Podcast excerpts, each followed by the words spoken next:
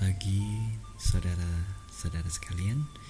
Kembali Live for God Rindu untuk menyampaikan kabar kesukaan akan firman Tuhan.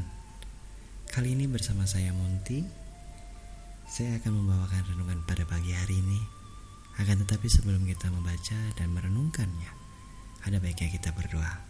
Mari kita bersatu dalam doa Puji syukur Tuhan atas anugerah penyertaan Tuhan. Pagi yang indah ini kami dipersatukan kembali untuk membaca dan merenungkan firman Tuhan. Sediakan hati kami dan pikiran kami agar kami dapat menerapkan firman Tuhan menjadi rema dalam kehidupan kami. Berfirmanlah ya Allah, kami anak-anakmu sedia untuk mendengar. Haleluya. Amin. Firman kita pada pagi hari ini terambil dari kitab Roma pasal 5 ayat pertama sampai yang kelima. Roma pasal 5 ayat 1 sampai 5. Beginilah firman Tuhan.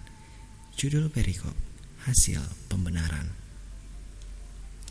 Sebab itu kita yang dibenarkan karena iman kita hidup dalam damai sejahtera dengan Allah oleh karena Tuhan kita Yesus Kristus oleh dia kita juga beroleh jalan masuk oleh iman kepada kasih karunia ini.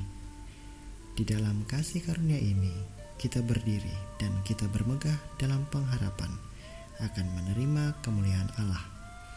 Dan bukan hanya itu saja, kita malah bermegah juga dalam kesengsaraan kita.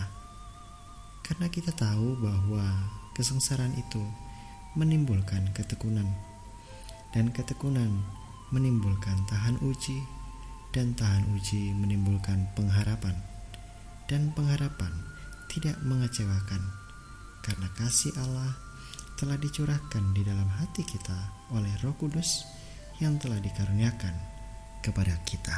Demikian firman Tuhan. Hari ini renungan kita bertemakan jadi kuatlah seperti pohon. Saudara yang terkasih di dalam Tuhan,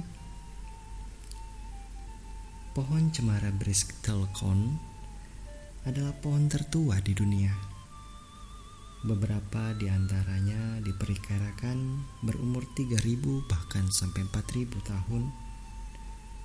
Pada tahun 1957, ilmuwan Edmund Skolman menemukan sebatang di antaranya dan menamainya Metusaleh. Pohon cemara berbongkol dan sangat tua ini hampir berumur 5000 tahun. Pohon ini sudah ada saat rakyat Mesir membangun piramid.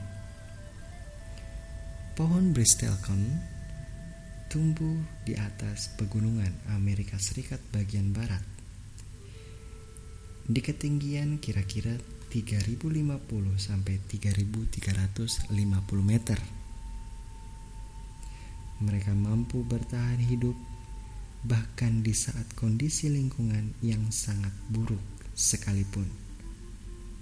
Suhu udara yang amat dingin, angin topan, lapisan udara yang tipis, dan curah hujan yang rendah Sebenarnya lingkungan ganaslah yang menjadi salah satu faktor sehingga mereka mampu bertahan hingga abad milenium ini. Kesengsaraan telah menumbuhkan kekuatan yang luar biasa dan tenaga yang tak kunjung habis. Kali ini Paulus mengajarkan kita bahwa kesengsaraan menimbulkan tahan uji. Suatu kemalangan adalah proses yang Allah pakai untuk mendatangkan kebaikan dalam hidup kita. Permasalahan yang membuat kita datang kepada Tuhan sebenarnya dapat mendatangkan kebaikan bagi kita. Hal ini membuat kita sepenuhnya bergantung kepadanya. dalam berdoa, hendaknya kita tidak hanya memohon pelepasan daripada penderitaan, tetapi juga kasih karunia Allah. Supaya Allah memakai penderitaan itu untuk menyatakan kehendaknya. Maka kita akan semakin kuat dan semakin kuat di tengah malapetaka, kesengsaraan, atau apa pun yang menimpa kita, dan merasa damai di mana pun Allah menempatkan kita. Ingatlah pesan ini bahwa Allah memakai kesulitan kita untuk menjadikan kita tahan uji. Marilah kita tutup renungan pada pagi hari ini dengan berdoa. Mari kita satu dalam doa. Tuhan, kami tahu bahwa kami penuh kekurangan, penuh kelemahan. Banyak sifat manusiawi di dalam diri kami. Maka itu Tuhan, tuntun dan sertai kami. Berkati kami senantiasa, dan biarlah kami menjadi anak-anak Tuhan yang takut akan-Mu dan menyatakan kebenaran firman-Mu. Biarlah kerinduan kami akan Engkau selalu Engkau jawab. Terima kasih Tuhan Yesus. Terima kasih ya Roh Kudus. Inilah doa kami, inilah ungkapan syukur kami. Kami berdoa dan mengucap syukur. Haleluya. Amin.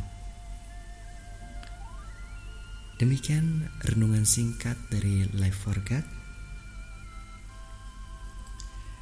Kiranya renungan pada pagi hari ini menjadi satu acuan bagi kehidupan kita pribadi lepas pribadi.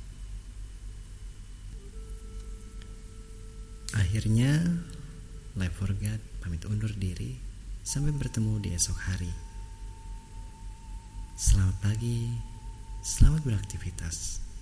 Kiranya damai sejahtera Tuhan Yesus senantiasa menyertai dan memberkati kita hari ini sampai selama-lamanya.